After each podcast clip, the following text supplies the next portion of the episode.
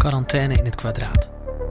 Ik ben Ed Bahoni en dit is Edcast, de muzikale podcastserie over mijn avonturen in een klein dorpje in Zuid-Italië.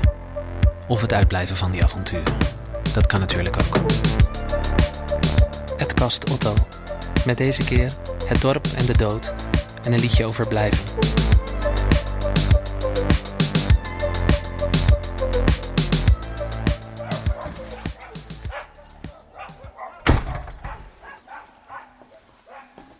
Ik neem je mee op een wandeling. Ik heb ze de afgelopen maanden regelmatig gemaakt. Ook toen dat officieel nog niet mocht. In het dal is niemand. Wel veel honden. De meest felle bewaken de kippen die de boeren uit het dorp houden bij hun akkers en olijfboomgaarden. Ik vertelde je al over de bulldogs bij de kapel van San Giovanni. Gisteravond, toen ik ging hardlopen beneden onderaan de heuvel, ben ik een half uur door de rivierbedding gelopen om een bijzonder agressief exemplaar te ontwijken. Hij bewaakte een schijnbaar onbewoonde villa met de twee mooiste bomen van het dal ernaast. Hij heeft liever niet dat je daar foto's van maakt of al te lang naar kijkt. Hier liggen de dorpen op de heuveltoppen. Beneden heeft de rivier de vrije hand. Het is maar een kleine stroom die een paar keer per jaar buiten zijn oevers treedt en dan de slecht onderhouden wegen wegslaat. Je hoort Alessia, een jonge geoloog uit het dorp en de dochter van de loodgieter. Ze vertelt dat het komt door wanbeleid en illegale afgravingen. Ze maken, net als ik, gebruik van de rust in het dal. Castelvedre, aan de overkant van het dal, zou een kwartier rijden zijn. Maar doordat de weg is verdwenen, rijd je nu drie kwartier om. Ik kan het oude centrum met zijn trotse burcht bovenop de heuvel zien liggen. Sinds zondag weet ik dat daar, tussen die huisjes, stegen en steile trappen, een hopeloze koffiebarman zijn krantje leest op het pleintje voor de kerk. È completamente vuoto, zegt hij. Het is hier helemaal leeg. Op het eerste stuk rechte weg, richting de begraafplaats, kom je de weduwe tegen, die nu weer dagelijks de begraafplaats kunnen bezoeken. Zoals Franca, die enorm afgeeft op het domme en ongecultiveerde dorp, als je haar de kans geeft. Ze weet op de dag af hoe lang geleden haar man overleed. Het is een getal boven de 1300. Tot COVID was ze elk van die dagen op de begraafplaats geweest. Ik ben er vandaag voor het eerst. Om me heen maken vogels en insecten een enorm kabaal. Enthousiast over de lente. Of boos dat zoveel van de bloemen van plastic zijn. Cypressen torenen hoog boven de begraafplaats uit. Het is zeker de best onderhouden en misschien wel de mooiste plek van het dorp. Mijn oog valt op een kruis waar een van de armen vanaf is gebroken. Het staat ook nog scheef. Het lampje daarnaast is stuk. De rijke families hebben marmeren kapellen neergezet. Maar binnen ligt dan een roze plastic bloem en een omgevallen fotolijstje. Is dat nou beter dan zo'n man kruis? Dat gewoon eerlijk zegt, jongens, dit was het wel zo'n beetje. Midden op de begraafplaats staat een kerkje. En als ik terugloop, zie ik dat het aan de achterkant een tweede ingang heeft. Voor wat de kelder zou zijn als de heuvel niet zo steil afliep. Nu kun je door een hek de ruimte binnenkijken. Er staan een grasmaaier en een rij gieters. Langs de wanden hele nette stapels stenen. Hé, hey, het zijn helemaal geen stenen. Dit zijn schedels en botten.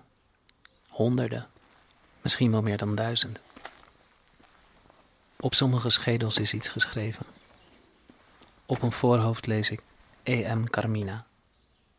Geruimde graven of gewoon de goedkoopste oplossing? Hoe netjes die stapels. Een rij schedels, dan vier lage botten en dan weer een rij schedels. Mooi gestapeld. Daar heeft echt iemand zijn best op gedaan.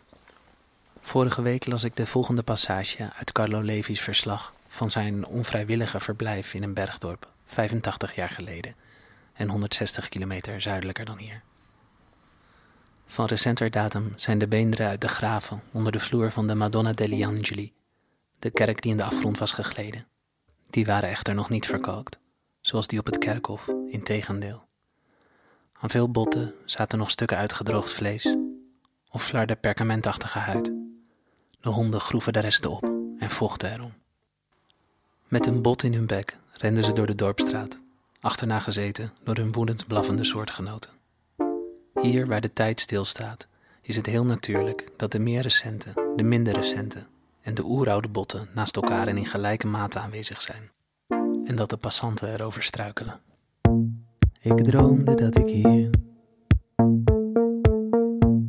dat ik hier voor altijd blijf.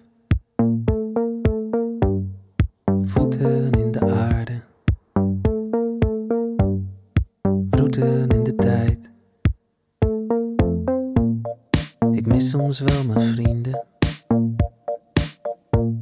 maar ik krijg er nieuwe bij. Jonge en ook oude rekenen op mij. Hier is nergens anders. Hier is gewoon hier. De slager en de bakker. Zelfs de juwelier. Al heeft hij het niet makkelijk. Even was ik bang dat ik me zou vervelen. Al die eeuwen.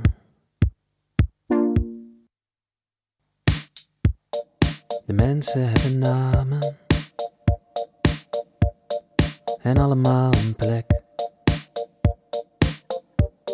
met hele kleine ramen. Ze houden me voor gek. Ze hopen op een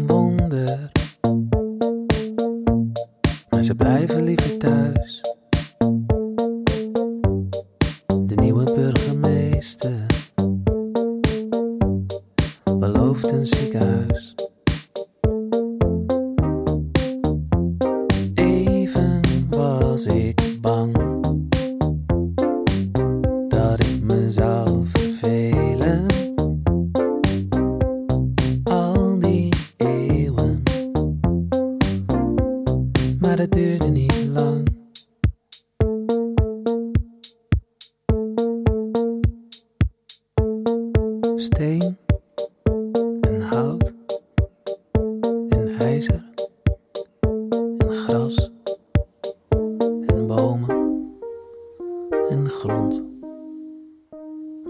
zit en vast. De roddels, jaloersheid, de baas en de fantast.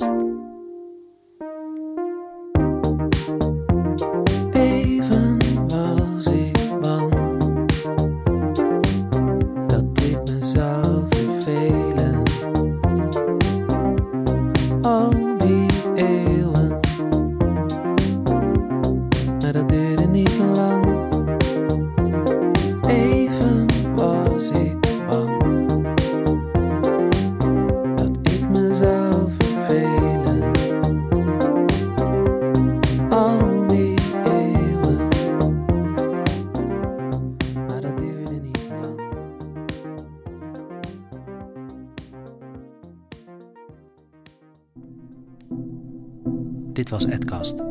Muziek, teksten en productie door Ed Bahoni. Mastering door Milan Mes.